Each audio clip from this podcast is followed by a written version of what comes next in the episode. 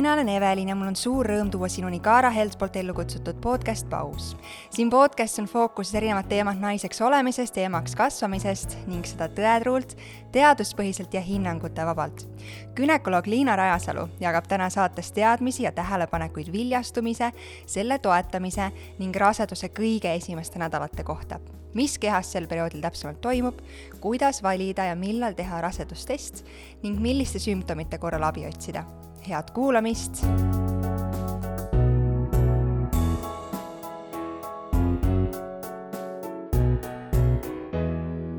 tšau, Liina. tšau. me rääkisime sinuga tükk-tükk aega tagasi pausi kümnendas saates sellest, kuidas lapseootuseks äh, valmistuda, aga ma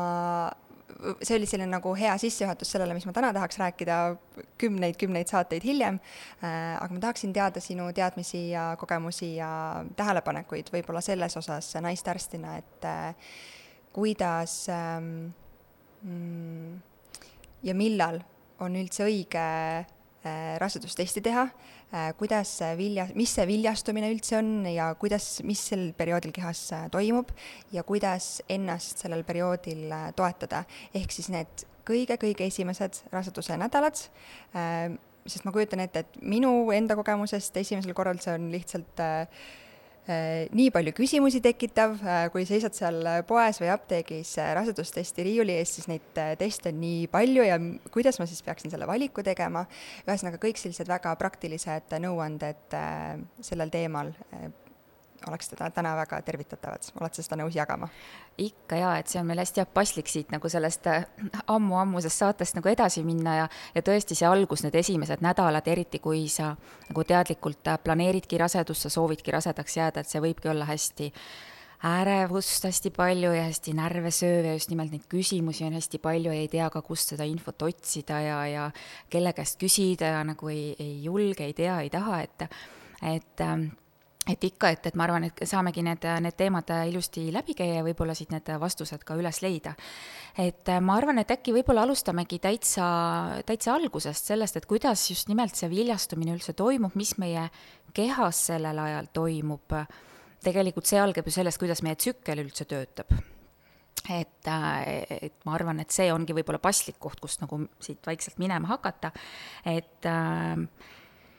selleks, et viljastumine saaks toimuda, selleks peab äh, toimuma ovulatsioon, eks. et äh, ja ovulatsioon tähendab seda, et meil munasarjas on tsükli esimeses pooles küpsenud munarakk mm. -hmm. ja see munarakk on äh, on jõudnud äh, nüüd tänu, tänu ajust eritatavate hormoonide toimele sellisesse faasi, et ta saab vabaneda sealt muna, munarakust. ja kui meil on äh, keskmiselt selline neljanädalane tsükkel, ikka kakskümmend kaheksa, kolmkümmend päeva, siis tavaliselt see ovulatsioon toimub seal kuskil tsükli keskel. noh, iga naise tsükkel on erinev, et et, et seda ovulatsiooni aega päris täpselt me noh, tegelikult kunagi ei tea, välja arvatud, kui naine näiteks teeb ovulatsiooniteste või kui ta on näiteks äh, viljadusraviarsti hoole all, et, et siis on need ajad nagu paremini teada. aga põhimõte ongi see, et seal kuskil tsükli keskpaiku või ütleme siis, äh, kui on ka naisel pikem tsükkel, siis kaks nädalat enne oodatavat uut menstruatsiooni, see ovulatsiooni aeg peaks olema. ja munarakk äh, vabaneb munasarjast ja munasari ja munajuha on tegelikult nagu natuke eraldi, et nad ei ole niimoodi üks, üks tükk seal koos, vaid see munarakk läheb sealt äh, munasarjast äh, nagu vabaneb, läheb liikuma ja imetakse sinna munajuhasse sisse. ja ta hakkab liikuma äh, mööda munajuha emaka suunas ja munaraku eluiga on tegelikult ainult kakskümmend neli tundi. nii et selle järgneva ajaakna jooksul see viljastumine võikski toimuda kui on olnud äh, naine kaitsmata vahekorras, siis need seemnerakud teavad väga hästi, kuhu nad minema peavad ja nad jõuavad üldiselt, kui takistusi ees ei ole, sinna munajuhasse ja seal nad võikski kokku saada, nii et viljastumine toimub munajuhas. aga seemnerakkude eluiga on oluliselt pikem? on pikem ja kuni nädal võivad nad olla naise kehas elus. ehk siis eh, see, kui ka see vahekord on toimunud enne ovulatsiooni, siis need seemnerakud võivad seal oodata? jaa, täpselt nii mm. -hmm. Aga siis, kui munaraku eluiga hakkab lõppema, siis noh, siis enam sellest seemneraku tulekust ei ole vist väga palju jah, kasu. kui munarakk on, on juba lagunenud, hukkunud, siis ei ole enam midagi, mida viljastada, et, et siis enam rasedust tekkida ei saa, aga jah, kuna me täpselt ei tea, millal see ovulatsioon on, noh, kui me nüüd täpselt, eks ole, oma tsüklit ei jälgi ja arvestades seda, et seemneraku eluiga on oluliselt pikem, siis see tekitabki selle, et me tegelikult see potentsiaalne viljastumise aeg tsüklis on võib-olla päris pikk, sõltuvalt kellegi tsüklist, et et, et ongi need seemnerakud võivad seal juba valmis olla või siis ongi need värskelt tulevad, eks ole, et, et kuidas, kuidas kunagi. aga igal juhul, kui see viljastumine on toimunud äh, munajuhas, siis äh, munarakk, seemnerakk ühinevad ja hakkab kohe see raku pooldumine hästi kiiresti pihta ja samal ajal see pidevalt jagunev raku kogumik liigub kogu aeg emaka õõne suunas ja jõuab sinna äh, mitme päeva pärast alles tegelikult. nii et äh, kui ta jõuab emaka õõnde, siis see pesastumine, äh, kui ta tegelikult kinnitub sinna ema, emaka limaskesta külge, see toimubki seal kuskil niisugune viiendal-kuuendal päeval. nii et, et ja kui me räägime nüüd näiteks rasedustestidest, siis mida rasedustestid äh, hindavad või tuvastavad, need on tavaliselt, me räägime, eks ole, nendest äh, uriinirasedustestidest mm, -hmm. eks. et äh, siis selleks, et äh, rasedustest näitaks äh, positiivset, ehk siis, et on rasedus olemas, siis ta tuvastab uriinist HCG-d ehk inimese koorion gonadotropiini ehk siis nii-öelda jutumärkides rasedushormooni. ja selle rasedushormooni tase peab olema piisavalt kõrge, et see test seda suudaks tuvastada. ja, ja seda HCG-d hakkabki eritama see embrüo, kui ta sinna pesastub limaskesta sisse. nii et viljastumine võib juba olla toimunud et tegelikult sa ilmselt rasestud, eks, aga seni, kuni ta ei ole ennast sinna emaka limaskesta sisse söövitanud, sinna kinnitunud ja neid vereringeid sinna ema vereringesse, seda HCG-d eritama hakanud, seni rasedustest ei saagi midagi näidata. nii et tegelikult eh, noh, kõige varasemad testid eh, võivad või kõige varem, millal üldse võiks võib-olla testida eh, ja kõige need tundlikumad testid võib-olla näitavadki rasedust seal alles kuskil niisugune kaheksa-üheksa päeva pärast ovulatsiooni, kui me teame, millal ovulatsioon on olnud. et sest selleks ajaks on see embrüo eeldatavasti sinna pesastunud ja HCG-d hakanud eritama ema vereringesse, see läbib ema neerud ja eritub uriiniga. aga mul on õigus, et, et HCG tase eh, hüp-, nagu mis see sõna siis on, äh, kordades kasvab päev-päevalt, ehk siis kui isegi seal kaheksandal, üheksandal päeval on mm -hmm. test negatiivne, siis järgmisel ja. hommikul see võib ju olla positiivne. täpselt nii ongi, et, et äh, see HCG äh, tase pidevalt tõuseb, see kahekordistub iga neljakümne kaheksa tunniga mm, -hmm. nii et normaalselt kulgeva raseduse jooks-, puhul see tõus on jah, püsiv ja üsna, üsna kiire selles kas seda kogu raseduse vältel äh,? ei ole, ta läheb kõrgemale ja siis ta stabiliseerub ja natukene langeb jah, et, et aga see on jah, see, et, et isegi kui seal niisugune kaheksas-üheksas päev, et sa oled väga kärsitu ja lähed, ostad sealt apteegist selle kõige-kõige varasema ja kõige tundlikuma testi ja ta ei näita midagi, et siis ei tasu veel meelt heita, et siis testi mõne päeva pärast uuesti et, et selles mõttes ongi see, et pigem, pigem oota natukene kauem, et see on jube raske, ma tean, aga aga, aga selleks, et võib-olla oma noh, raha säästa, närve säästa, eelkõige just seda, seda ärevust, eks ole, et oota natuke kauem, tee veidi hiljem. et äh, kõige, ma ütleks, kindlam ongi see, et kui teha see test, siis kui äh, ootad oma menstruatsiooni umbes sellel päeval hm,, ei tule, et siis teed testi ja on vahe ka, et millal testi teha, eks ole, et, et millisest uriinist, sest et ka see ähm, selle rasedushormooni HCG kogus uriinis ka noh, võib olla erinev sõltuvalt sellest, et äh, millal sa viimati tualetis käisid, eks ole, kui kaua see uriin seal põies on olnud, kui palju sa oled joonud, äh, et, et kõik niisugused asjad, et siis so-, sellepärast soovitataksegi teha sellest esimesest äh, hommikusest uriinist, et siis võiks olla see HCG nagu, no uriin on kõige kontsentreeritum ja HCG hulk äh, seal uriinis võiks olla kõige suurem ja on suurem tõenäosus ta sealt kätte saada selle testiga. ja neid teste, kui apteegis vaatad, ega noh, no ongi, et nad äh, erinevad tegelikult ju põhimõtteliselt ainult selle järgi, et kui tundlikad, tundlikud nad on ja see tähendab seda, et kui väikest HCG äh, kogust nad on võimelised tuvastama sealt uriinist. Et, et siis see on tavaliselt sinna karbi peale märgitud. aga see, kas on ribatest või digitaalne test või midagi muud, ma saan, ma kuskil nägin mingisugust videot, et äh, tegelikult nende kõikide testide sees on lõpuks ikka üks ribatest, siis mm -hmm. digitaalsel lihtsalt ta loeb sulle selle, selle näidu sealt ja kirjutab äh, väiksele digitaalsele ekraanile lihtsalt sellelt tavapäraselt testilt sa ise loed seal teise triibu sealt välja? jah, nii ongi, et, et see metoodika või see põhimõte on neil kõigil sama, et, et kuidas ta selle tulemuse sulle väljastab, see lihtsalt on jah, nagu võib-olla erinev, et kui võib-olla see digitaalne, siis on see emotsionaalne komponent sinna mm. juurde pandud, eks ole, et nii tore on lugeda, et aga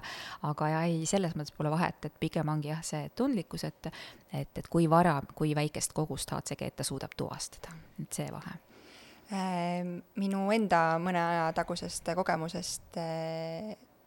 ma tean, et on olemas eh, või võimalik selline asi nagu biokeemiline rasedus mm. -hmm. võid sa selgitada, mis see on? jaa, see ongi, see on selline olukord, kus toimub viljastumine, kus toimub äh, pesastumine ehk implantatsioon, HCG-d hakatakse juba ema vereringesse eritama ja naine võib-olla teebki selle väga varajase rasedustesti või mõnikord näiteks viljatusravis naised teevad hoopis vereanalüüsi äh, teatud aja jooksul ja see näitab, et HCG on olemas. aga pärast seda, kas näiteks kordusvereanalüüs näitab, et HCG langeb või hoopiski hakkab menstruatsioon noh, võib-olla kas oodatud ajal või natukese hilinemisega, aga igal juhul seda rasedust, see rasedus ei jää püsima, ehk et see ongi see nii-öelda olukord, kus me rasedust oleme näinud ainult äh, nii-öelda HCG olemasoluna. me ei ole kunagi näinud seda rasedust ultraheli uuringul, et ta ei jõuagi sinna. et see embrüo areng lõpeb nii vara ära noh, tavaliselt on seal põhjuseks ikkagi mingi probleem selle embrüo endaga. et, et, et see on see biokeemiline rasedus, kus me oleme saanud positiivse rasedustesti, aga rasedus edasi ei arene, et ongi, tekibki veritsus. või siis see vereanalüüsi HCG langeb ja tekib ka veritsus kui see olukord esineb, kas peab äh, ennast spetsialistile näitama, peab ämmaemanda juurde minema, naistearsti juurde või äh, seal ei ole justkui midagi ei ole hädavajalik, ma ütleks, et see sõltub kõik sellest, et kui tugev see veritsus on, eks ole, kas on mingeid, kas on mingit kõhuvalu, kas on mingeid lisasümptomeid. et kui on äh, lihtsalt tekib hilinemisega see menstruatsioon, ta võib olla natuke vererohkem, aga kui see jääb nii-öelda taluvuse piiridesse, selle naise jaoks nii-öelda normaalsuse piiridesse, siis tegelikult ei pea äh, minema ekstra kontrolli, sest ega me ei saa seda põhjust ju kuidagi kunagi uurida et äh, aga kui on, äh, muidugi tekib seal väga tugev kõhuvalu või väga ebanormaalselt tugev verejooks, tõesti suurte hüvetega niimoodi, et seal äh, noh, kuidagi pidama ei jää see veritsus, et tunni ajaga suur side on, on verest läbi imbunud, et siis kindlasti peaks abi otsima. üleüldiselt selle nende sümptomite poolest, kui ka see positiivne rasedustest on saadud, siis millised esimestel rasedusnädalatel need sümptomid äh, võivad olla, mis äh, kuidagi ma ei tea, kas seda rasedust äh, ka siis heaolu tundes kinnitavad või, või mhm. millega, millele peaks tähelepanu kuidagi pöörama? jaa, et mõnel naisel ei ole üldse mingeid sümptomeid, et äh, ei saagi aru mitte midagi et test on positiivne ja, ja, ja menstruatsiooni ei tule ja, ja ongi enesetunne täitsa okei okay ja see on, see ongi okei okay ka. et aga, et, et sagedamini, kuna seal hormonaalses tasemes toimuvad väga kiiresti väga suured muutused, progesterooni tase jääb hästi kõrgeks, et progesteroon on see hormoon, eks ole, mis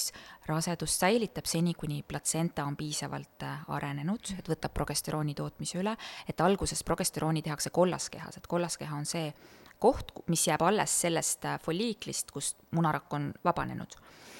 et progesterooni kõrge tase tekitab, äh, tekitab selliseid varajasi äh, raseduse sümptomeid, noh näiteks rindade hellus võib olla esimene asi, lõhnatundlikkuse muutus, isu muutus mm,, tugev väsimus, mõnel naisel peavalud, HCG panustab ka sinna muidugi, kui HCG hakkab tõusma. aga isegi veel mõnikord enne, kui see rasedustest on sul positiivne või menstruatsioon ära jääb, siis just see sellises ütleme, hiline, ütleme see nädal enne oodatavat menstruatsiooni, näiteks kui juba pesastumine on, on vaikselt toimunud või toimumas, et siis, siis ka juba see progesterooni tase on näiteks nii kõrge, juba HCG vaikselt hakkab tekkima, et võib olla selliseid äh, nii-öelda sümptomeid juba olemas. Ja kui see rasedus jääb sinna püsima, siis need sümptomid võimendu-, võimenduvad veelgi, sest see hormoonide tase, pisitase kogu aeg tõuseb stabiilselt nii et ongi, ja iiveldus muidugi, eks ole, on paljude naiste jaoks esimene niisugune äh, märgatav ja, ja väga sageli ka niisugust äh, elamist, olemist, tegutsemist tugevalt häiriv äh,, häiriv nähtus, mis äh,, mis esimesel trimestril kuskile maale loetakse täiesti normaalseks. Et on erinevaid vari-, võimalusi, kuidas seda leevendada, eks ole äh,, ütleme, oluline sageli on see, et sa ei lase kõhtu päris tühjaks minna, et sul on näiteks ka enne hommikul voodist tõusmist on mingisugune väike snäkk, mis sulle meeldib, on sul voodi kõrval, enne kui sa püsti tõused, üldse tegutsema hakkad, võta söö see snäkk ära või võta lonks vett, midagi, mis sulle sobib. et see on see aeg, kus, kus, kui, kui tõesti sa kannatad selle iivelduse käes, et siis söö seda, mis sul isutab, mis, mis meeldib, et siis suhteliselt ükskõik, see aeg on piiratud nii-öelda et, et, et põhiline, et sa saaksid midagi süüa, et sul vedelik püsiks sees. Äh, mõnel naisel aitab äh, haputoit või hapud joogid, mõnel aitab ingver. Ehm, just see selline sagedaste väikeste ehm, portsjonite söömine, pigem vältida selliseid tugevalt ärritavaid toite, näiteks kohvi pigem vältida, praetud vürtsikad toidud, need võivad võimendada, mõnel ka tomat, šokolaad näiteks, et mis võivad üldse sellist nagu mao, mao, mao toimimist natukene ärritada, et et, et neid pigem, pigem võib-olla vältida aga, aga jah, söö seda, mis, mis alla läheb nii-öelda. ja, ja kust, kust maalt peaks nagu abi otsima või pöörduma, on, on see, kui tõepoolest vedelik ka sees ei püsi, sa oksendad, sa ei tule oma igapäevaelu toimetustega, ei saa hakkama. see enesetunne on nii halb või kui kaal hakkab langema. et siis on see koht, kus äh, mõnikord on vaja äh, rohtu anda et me ravimeid alati raseduse ajal ju anname hästi kaalutletult, aga et noh, kannatama ei pea ja üldseisund ei tohiks häiruda sellest iiveldusest. et kui ikkagi on väga-väga halb olla, üldse süüa-juua ei suuda, et siis peab kindlasti haiglasse pöörduma. ja siis äh, kõige tavalisem on see, et me natukene asendame seda vedelikku, teeme tilka natukene, sinna paneme pisut iivelduse vastast ravimit sisse ja see päris hästi aitab nii et, et kindlasti nagu julgustan abi otsima, kui on väga paha olla ravimite poolest üleüldiselt äh, me rääkisime mõni aeg tagasi doktor Külli Erlangiga ka sellest, äh, millised ravimid äh, rasedatel ja imetavatel naistel on käsimüügist ja, ja ka mitte käsimüügist sellised lubatud nimekirjas ja millised mitte, aga seal raseduse esimestel nädalatel, kus võib-olla ämmaemanda visiidini on ka veel aega ja ei ole jõudnud, sa tõid välja ka peavalu on üks mm -hmm. potentsiaalsetest sümptomitest. võib siis võtta paratsetamooli ja ilma mureta? Võib võtta paratsetamooli. Ja, ja üks äh, mure veel, mis äh, ma olen märganud, et naistel on, on see, et just nimelt see, mis sa mainisid, et ei ole veel kuskile pöördunud, võib-olla naine ei teagi, et ta on rase veel, eks. võib-olla ta tsükkel on ebaregulaarne, ta ei olegi seda testi teinud äh, või ongi täpselt see ovulatsiooni ja oodatava menstruatsiooni vaheline aeg. Ja ta on võtnudki mingit ravimit näiteks. Või ta on, tal on olnud mingi tõsine äh, no mis iganes praegu talv on, on olnud seal näiteks põskkoobapõletik või, või, või äh, kurgumandlite põletik, et ta näiteks antibiootikume võtnud või, või on käinud näiteks äh, kopsuröntgenis töötervishoiuga teinekord peame käima, eks. Mm, -hmm. ja siis on mure suur, pärast ta saab teada, et on äh, rasedus ja, ja just sellel, ütleme, ovulatsiooni, noh, ütleme kas viljastumise perioodil või kuskil seal on mingi selline tegevus toimunud, siis tegelikult äh, ma üldiselt rahustan selles mõttes, et, et nii vara need sellised üritused nagu kurja ei tee, et, et kuna eriti näiteks, kui on ainult see viljastumise aeg veel, eks ole, et ähm, ja, ja või kui ravimite võtmine on, et, et see embrüo ei ole veel pesastunud, ütleme, et see, see omavaheline verering ei ole veel niivõrd intensiivne või niivõrd äh, nagu valmis ja ühenduses, et, et äh, ta ei saa, see, see arenev embrüo ei, ei, ei, ei saa reeglina seda, seda toimeainet. et, et nii varakult kehtib see pigem nagu kõik või mitte midagi printsiip, et kui see väline faktor on olnud kahjustav rasedusele, siis see rasedus, ta ei jää kas püsima või katkeb väga varases järgus, et loodus teeb oma valiku või kui see rasedus jääb tavapäraselt edasi arenema, et naine jõuab mulle juba sinna esimese trimestri screeningule, siis ma ütlen, et unusta ära see, mis oli olnud, et see ei ole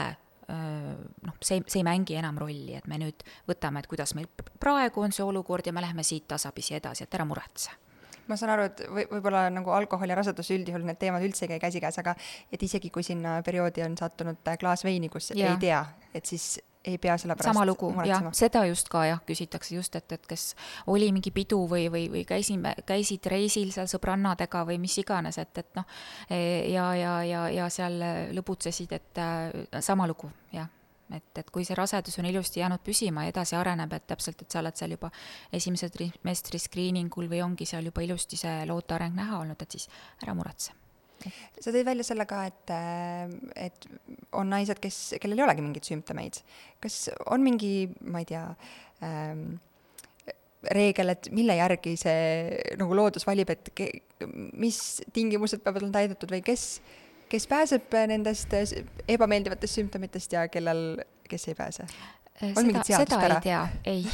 ei. noh, võid oma ema käest uurida, et eks see kuidagi ikka võib-olla seda liini pidi natukene käib, aga ei, see on natuke nagu loterii mm. -hmm ma tulen korra viljastumise juurde tagasi mm. -hmm. eelmine kord sinuga saates äh, sa mainisid ka seda ja tõid välja korduvalt, et foolhapped peaks hakkama naine võtma, kui on planeeritud, planeeritava raseduse puhul juba eelnevalt. Ähm, aga kui nüüd see, kas seda viljastumise perioodil, lood-, loodetava viljastuse perioodil, saab oma keha kuidagi eriti toetada? Äh, jah, voolape ongi see üks asi mm, ja, ja ongi, et ega noh, ma usun seda, et kui, kui naine tõesti nagu tegelebki sellega, et tal ongi see, ta planeeribki oma rasedust, et, et siis äh, noh, maga palju, puhka palju mm, ongi tervislik toitumine, kõik see, kõik see selline nii-öelda talupojatarkus, niisugune terve mõistusega, mis me, mis me peame nii-öelda selleks tervislikuks eluviisiks. aga ma ütlekski jah, et selline puhkus on nagu ülioluline, eriti, eriti praegu ja kõik selline, et noh, võta endale aega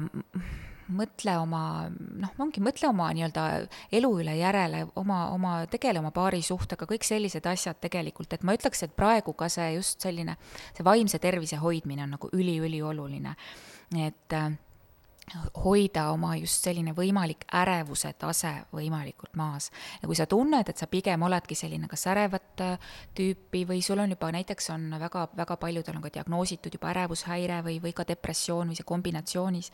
et siis sellega peab tegelema kindlasti ka, et, et leia endale need, need abilised, need,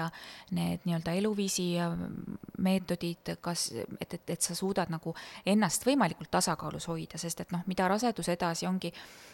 mingil hetkel hakkad muretsema selle asja pärast, siis järgmise asja pärast, siis tulevad mingid sümptomid. et kogu aeg midagi nagu lisandub, millele mõelda. et siis ongi hästi hea, kui juba see baas nii-öelda on võimalikult, eh, võimalikult rahulik, et ongi, kas siis leiad kellegi tugiisiku endale, kas sõbrannadega seal jagada muresid või, või, või arutada üldse või,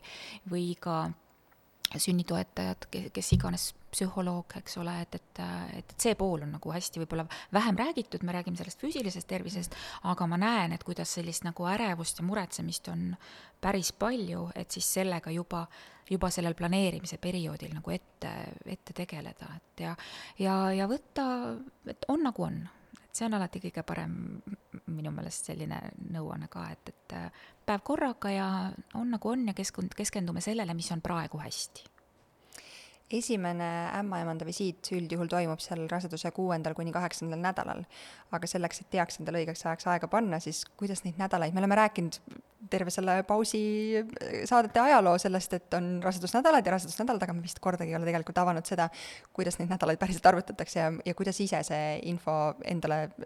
nagu teadmiseks võtta, et millal siis see esimene aeg visiidiks panna jaa, et need nädalad tekitavad äh, sageli segadust jah, et kuidas neid loetakse, et eks see on tulnud sealt, äh, ütleme klassikaliselt neid loetaksegi ja me, me loemegi neid tegelikult alates viimasest menstruatsioonist seda neljakümmet rasedusnädalat.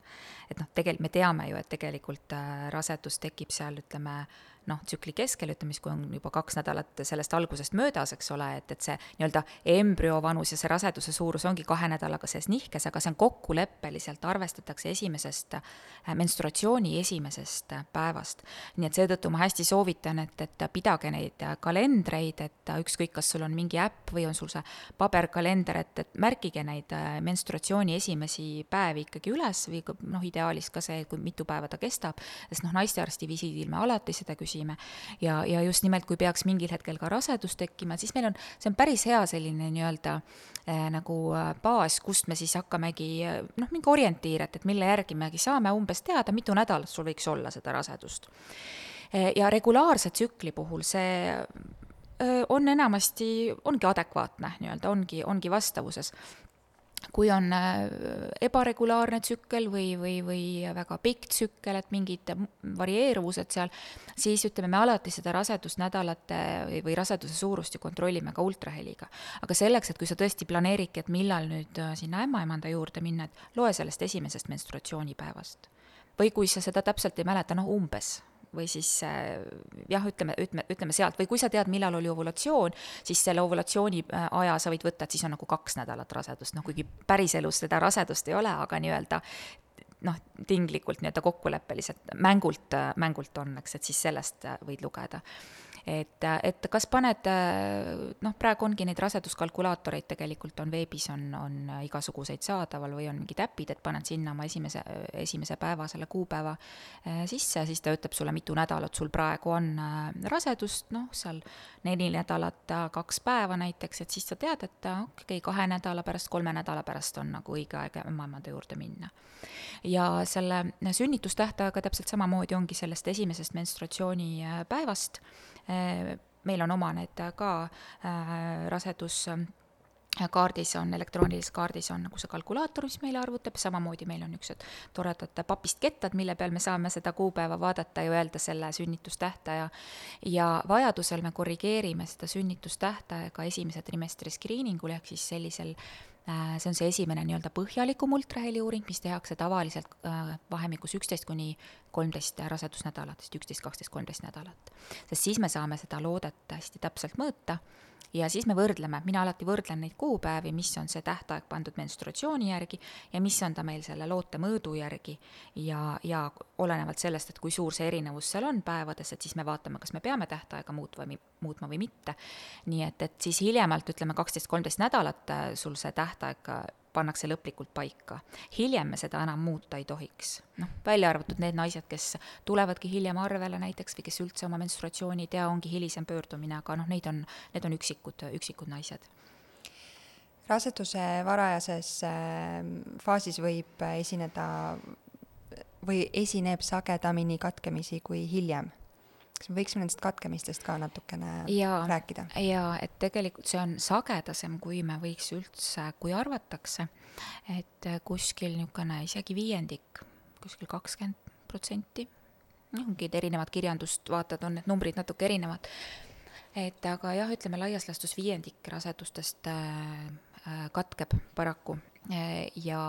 kui need katkemised toimuvad, siis reeglina just esimesel trimestril ja esimestel äh, nädalatel. et äh, see ja see võib olla nagu kahte moodi. et võib olla niimoodi, et tõepoolest, et see rasedustest on positiivne ja kas äh, oled jõudnud ämmaemanda juurde, juba on nähtud midagi seal emaka õõnes Äh, või ei ole jõudnud ja tekib äh, veritsus, et ongi, tekib äh, kõhuvalu, kõhuvalu on noh, sageli suhteliselt intensiivne, tekib veritsus, veritsus reeglina ka tugevam kui menstruatsiooni ajal, et, et kui midagi sellist toimub, siis ma soovitan kindlasti kontrolli pöörduda, et vaadata üle, et, et kas kõik on nii, nagu peab või tõepoolest on katkemine käigus. ehk et võibki olla niimoodi, et lihtsalt tekib veritsus, tekib kõhuvalu ja, ja rasedus katkeb ära.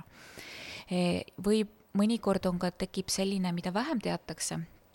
eh, mis eh, on olukord, mis tuleb eh, tihti sellise halva üllatusena, on raseduse peetumine, et see on selline olukord, kus mingil põhjusel raseduse või siis loote areng seiskub. et on nähtud, et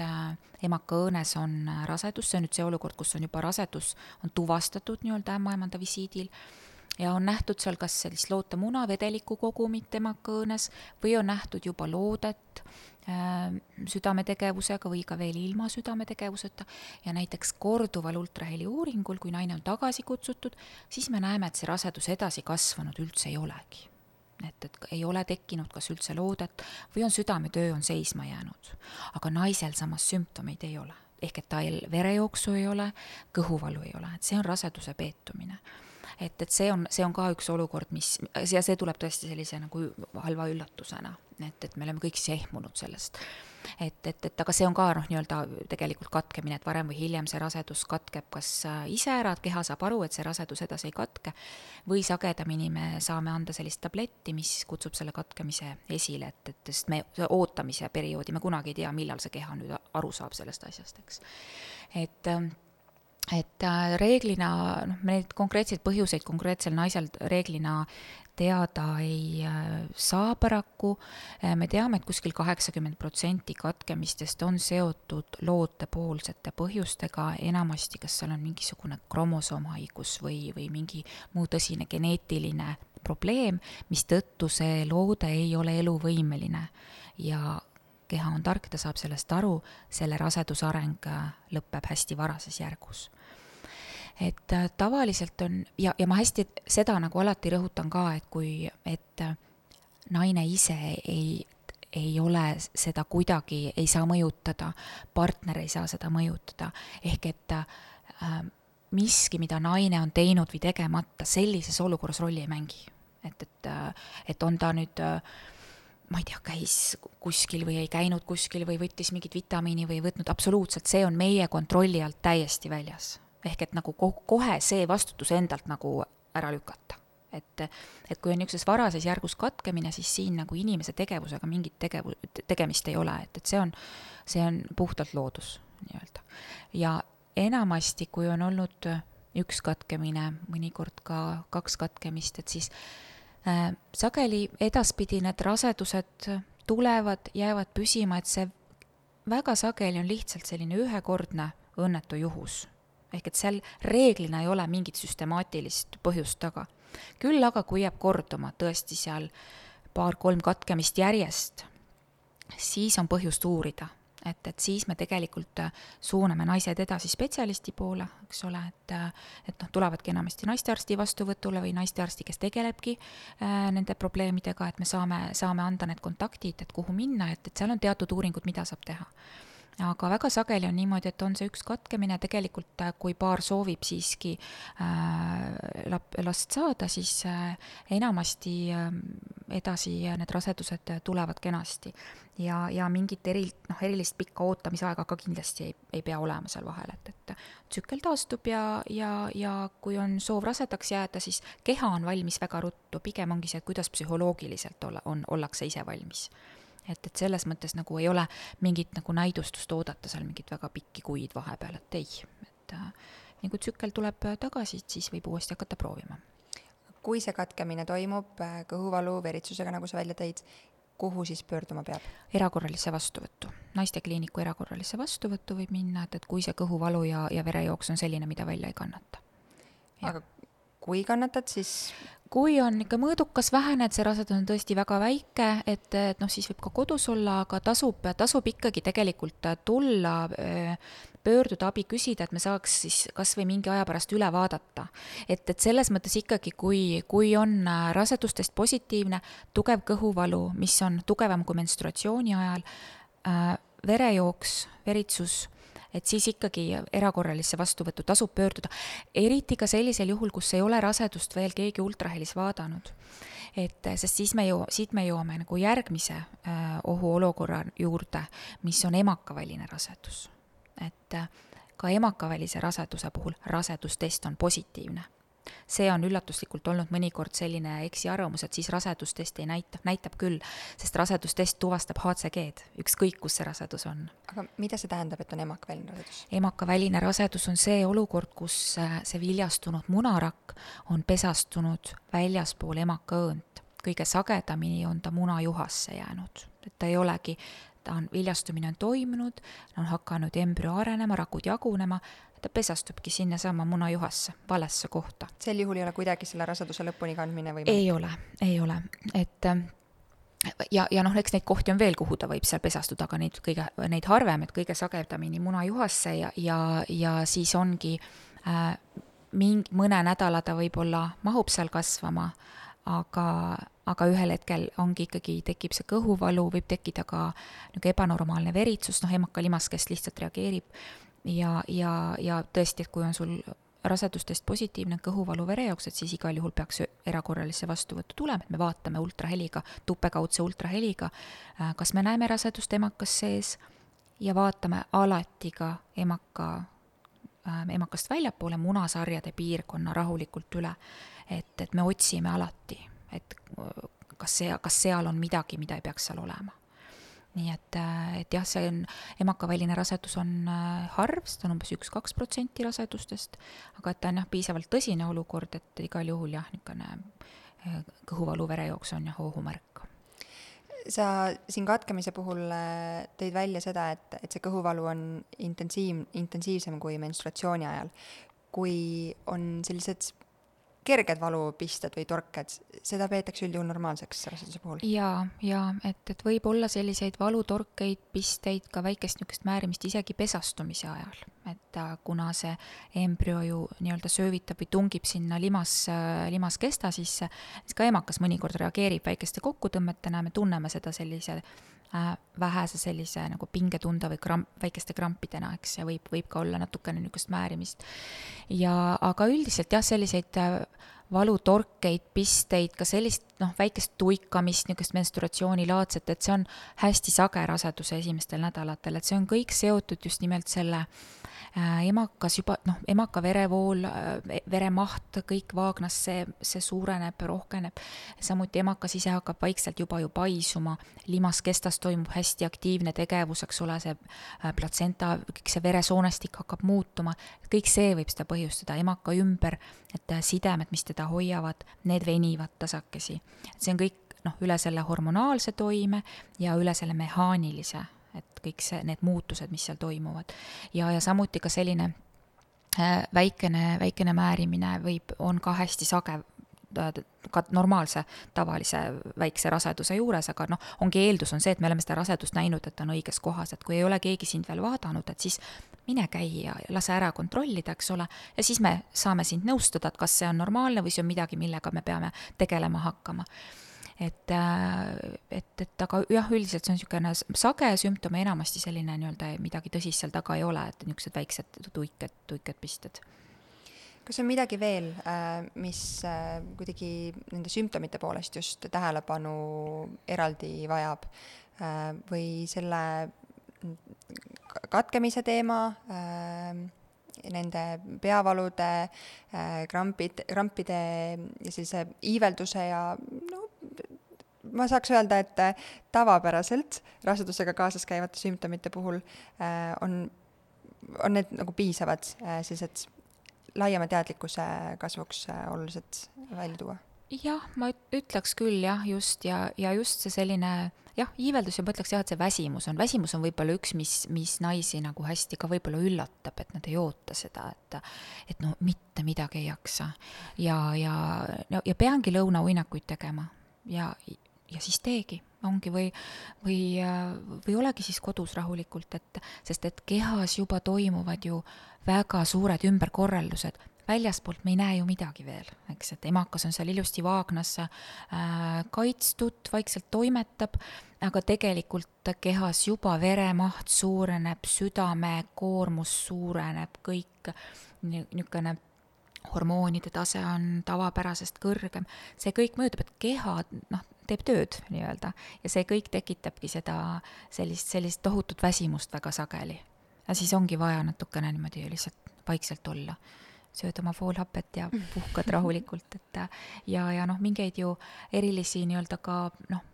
piiranguid tegelikult ju ei ole, eks ole, et eladki oma elu rahulikult äh, edasi, et noh, ütleme, mis puudutab füüsilist koormust näiteks või kõik need, mida tohib, ei tohi teha, eks ole, sellises, sellisel ajal, et äh, kui sa tunned ennast normaalselt, ei veritse, ei valuta, äh, vahekorras võib-olla äh, Äh, kõik, ütleme, füüsiline koormus, oma harjumuspärased, harjumuspärased treeningud, sellega võid, võid jätkata. noh, ütleme, mida ei soovita, on igasugused traumaohtlikud spordialad, võib-olla ratsutamine või, või kus on just nimelt kukkumise traumaoht või kontaktspordialad, et neid võib-olla ei peaks tegema või mingi uue huvitava asjaga alustamine, noh, raseduse ajal ei ole võib-olla kõige parem mõte. aga ütleme, et alguses niimoodi mõõduka koormusega äh, treeninguid võib teha, lihtsalt kuula keha, on ju, keha on äh,, keha ise ütleb, et mis, mis hetkest peab nagu seda intensiivsust maha võtma, et võibki olla, et sa ka väsid kiiremini äh, ja, ja, või tekib niisugust südamepekslemist äh, rohkem et et, et selles mõttes hästi nagu enda enesetundest tasub, tasub teadlik olla. ja, ja just see toitumine, noh, ka oluline, eks ole, et kui see iiveldus on niimoodi häiriv ja tugev, et siis noh, need, mis, see, mis me juba rääkisime, eks ole, ja mida, mida nagu vältida võib-olla äh, toidu, toitudest ongi see, et äh, ütleme, toores liha, toores kala, äh, kuumutamata, ütleme, toores muna, toored kuumutamata piimatooted, et neid äh, nakkusohu tõttu peaks vältima läbi terve raseduse, mitte ainult alguses. kui sul on kass, et siis äh, kassi seda liivakasti peaks keegi teine tühjendama või kui, kui kedagi teist ei ole, siis pane vähemalt kindad kätte, ürit-, noh, niimoodi ennast kaitsta, pese käsi hästi palju. et sellised nii-öelda elementaarsed nagu ohutusnõuded aga jah, puhata, puhata palju, et, et, et keha ise ütleb, et, et see, see on hästi oluline, et, et nagu seda keha kuulata aitäh sulle, Liina. minu küsimused, mis mul täna olid äh, nii viljastumise kohta äh,, millal siis õige hetk on testida ja, ja mis juhtub, kui võib-olla liiga vara testida äh, ja või õigemini, mis, mitte midagi ei pruugi sellest juhtuda, aga see biokeemilise raseduse ähm, teema, mis siit välja tuli, samamoodi ähm, esmaste sümptomite ja kuidas oma keha sel perioodil toetada, need kõik küsimused, mis mul olid, said täna vastuse. kas sul on midagi, mis sa tahad veel jagada neil teemadel mm. või äh, on midagi, mis äh,, mis patsientidelt sa oled kuulnud, ma ei tea, mingeid äh, huvitavaid küsimusi või valearusaamu või, või midagi sellist? üks äh võib-olla üks, üks teema veel on, mida me ei puudutanud, aga see käib jälle sinna nii-öelda nende sümptomite või siis ka selle mm, nende veritsuste juurde jälle, kuna ma ütlesin, et need veritsused on noh, suhteliselt sagedased, eks ole, ja tasub minna kontrolli, et siis üks teema või üks, üks nii-öelda nähtus, mida me ultrahelis mõnikord näeme, mille kohta naised Äh, muretsevad, nad muretsevad selle pärast, nad küsivad selle kohta nii-öelda tagantjärgi ka, on need äh, hematoomid või siis ka verevalumid näiteks, et kui ongi väike rasedus meil, noh, väike rasedus, ma pean siin silmas, ütleme, rasedus kuni sihuke üheksa-kümme nädalat iseenesest et äh, siis äh, ongi, et neid veritsusi on sageli palju ja mõnikord võib see olukord tekkida, et mingi osa sellest veritsusest ta tilgub välja, et me näeme seda väljas, me näeme seda sidemel, eks ole, aga osaliselt ta jääb sinna emaka seina ja kas siis selle areneva platsenta vahele või slootekestade vahele ja seda me näeme ultrahelis. et mõnikord on niimoodi, et kui naine pöördub näiteks sellise äh, veritsuse või kõhuvalu kaebusega, et siis me äh, vaatame tupekaudse ultraheliga, et mm, ja et, et aga ma näen, et miks siin veritseb, et siin on, siin on hematoom ehk verevalum, et see ongi selline nagu verehüübekene, mis on sinna emaka äh, seina, seina äärde jäänud, mis ei ole kõik välja tulnud. et äh, ja siis mõnikord naised noh, muretsevad selle pärast, et see vere, verehüübekene, verevalumikene seal on, aga et see ja tagantjärgi küsivad näiteks, et kas see on veel näha, et näiteks kuuendal-seitsmendal nädalal oli hematoom ja mõnikord ka päris suur hematoom, noh, hematoom ehk verevalum, eks. et äh, siis äh, tavaliselt on niimoodi, et need imenduvad ise ära ja, ja neid ei pea nagu eraldi kuidagi jälgima, mis me soovitame alati, kui on veritsus või kõhuvalu, mida me enne ei, ei, ei maininud, võib-olla on see, et et siis me küll tahaks nagu sellist rahu, et, et nii-öelda äh, ei rabele, ei äh, tee väga niisugust tugevat füüsilist koormust, ei ole vahekorras, et noh, kuigi ma ütlesin, et see ei tõsta katkemise riski, aga parem igaks juhuks on, et me nii-öelda omalt poolt teeme kõik, et kui on tõesti veritsus, valulikkus, et me oleme natukene rahulikult, kuni need sümptomid mööduvad. või kuni meid ämmaemand näiteks on tagasi kutsunud, öelnud, et noh, nüüd on, nüüd siin pilt on ilus, et nüüd võib kõike nagu ta-, noh, tavaviisil teha, eks. et, et aga, aga muidu jah, need kui ikkagi rasedus tahab ära katkeda, siis see sõl-, noh, toimub meie tahtest olenemata. Ja, ja, ja, ja just, et mis ma tahan öelda, et nende verevalumite pärast, et las nad olla seal, et see isegi kui nad on ka suured, et noh, me, me hoiame silma peal, et kui vaja, me kutsume tagasi, kui ei ole vaja nii-öelda tagasikutset tulnud, siis, siis las ta olla, oled lihtsalt rahulikult, eks ole, kui veritsus intensiivistub, valu intensiivistub, siis pöördud uuesti. ja, ja tavaliselt ikkagi, ja naised, noh, kui nad tulevad korduvalt ultrahelisse, nad alati küsivad ja me saame seda alati vaadata. Nii et kui mingi mure on, alati küsige, ongi. et kui juba seal vastuvõtul oled, et siis kas või teha enne nimekirja või mingid mure, mured üles kirjutada ja siis need kõik saavad alati ka vastatud, saame kõik üle vaadata, mida, mida, mida vaja on, mis mingid lisaküsimused või mured on, et, et et, et see on alati, et ka oma soovid, oma mured kõik alati tasub ka välja rääkida, et kui juba selle ämmaemanda või arsti vastuvõtul oled, et siis me alati aitame nii et tasub oma küsimuste ja murede eest seista ja, ja pärast mitte kahetseda, et ei küsinud, sest äh, ma ei, noh, raseduse algus, ma kujutan ette, et väga paljudel on selline hästi üksik periood, kus keegi veel ei tea ja kellegagi pole konsulteerida ja äh, jagada oma mõtteid, et siis äh, mitte üksi ennast äh, äh stressi viia sellest, et äh, et ei tea vastuseid äh, küsimustele, mis olid, et lihtsalt küsida neid spetsialisti. jaa, täpselt, just, et kui satud kellegi spetsialisti vastuvõtule või tuled ka erakorraliselt, et küsi, et see on kõige olulisem, et sul oleks need vastused, et sest teadmised annavad meile, eks ole, selle rahu, nad annavad meile selle kindlustunde ja sa tunned ennast paremini, su ärevustase on madalam ja see on see, mida me tahame, et rase oleks rõõmus ja rahulik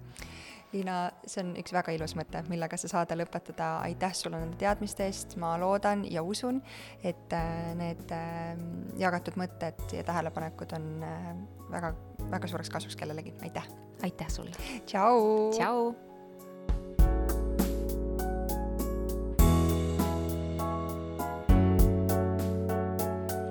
saate toob sinuni Kaara, naiste tervise ja heaolu edendaja rasedus- ning emadusperioodil vaata lähemalt kaarahelts.io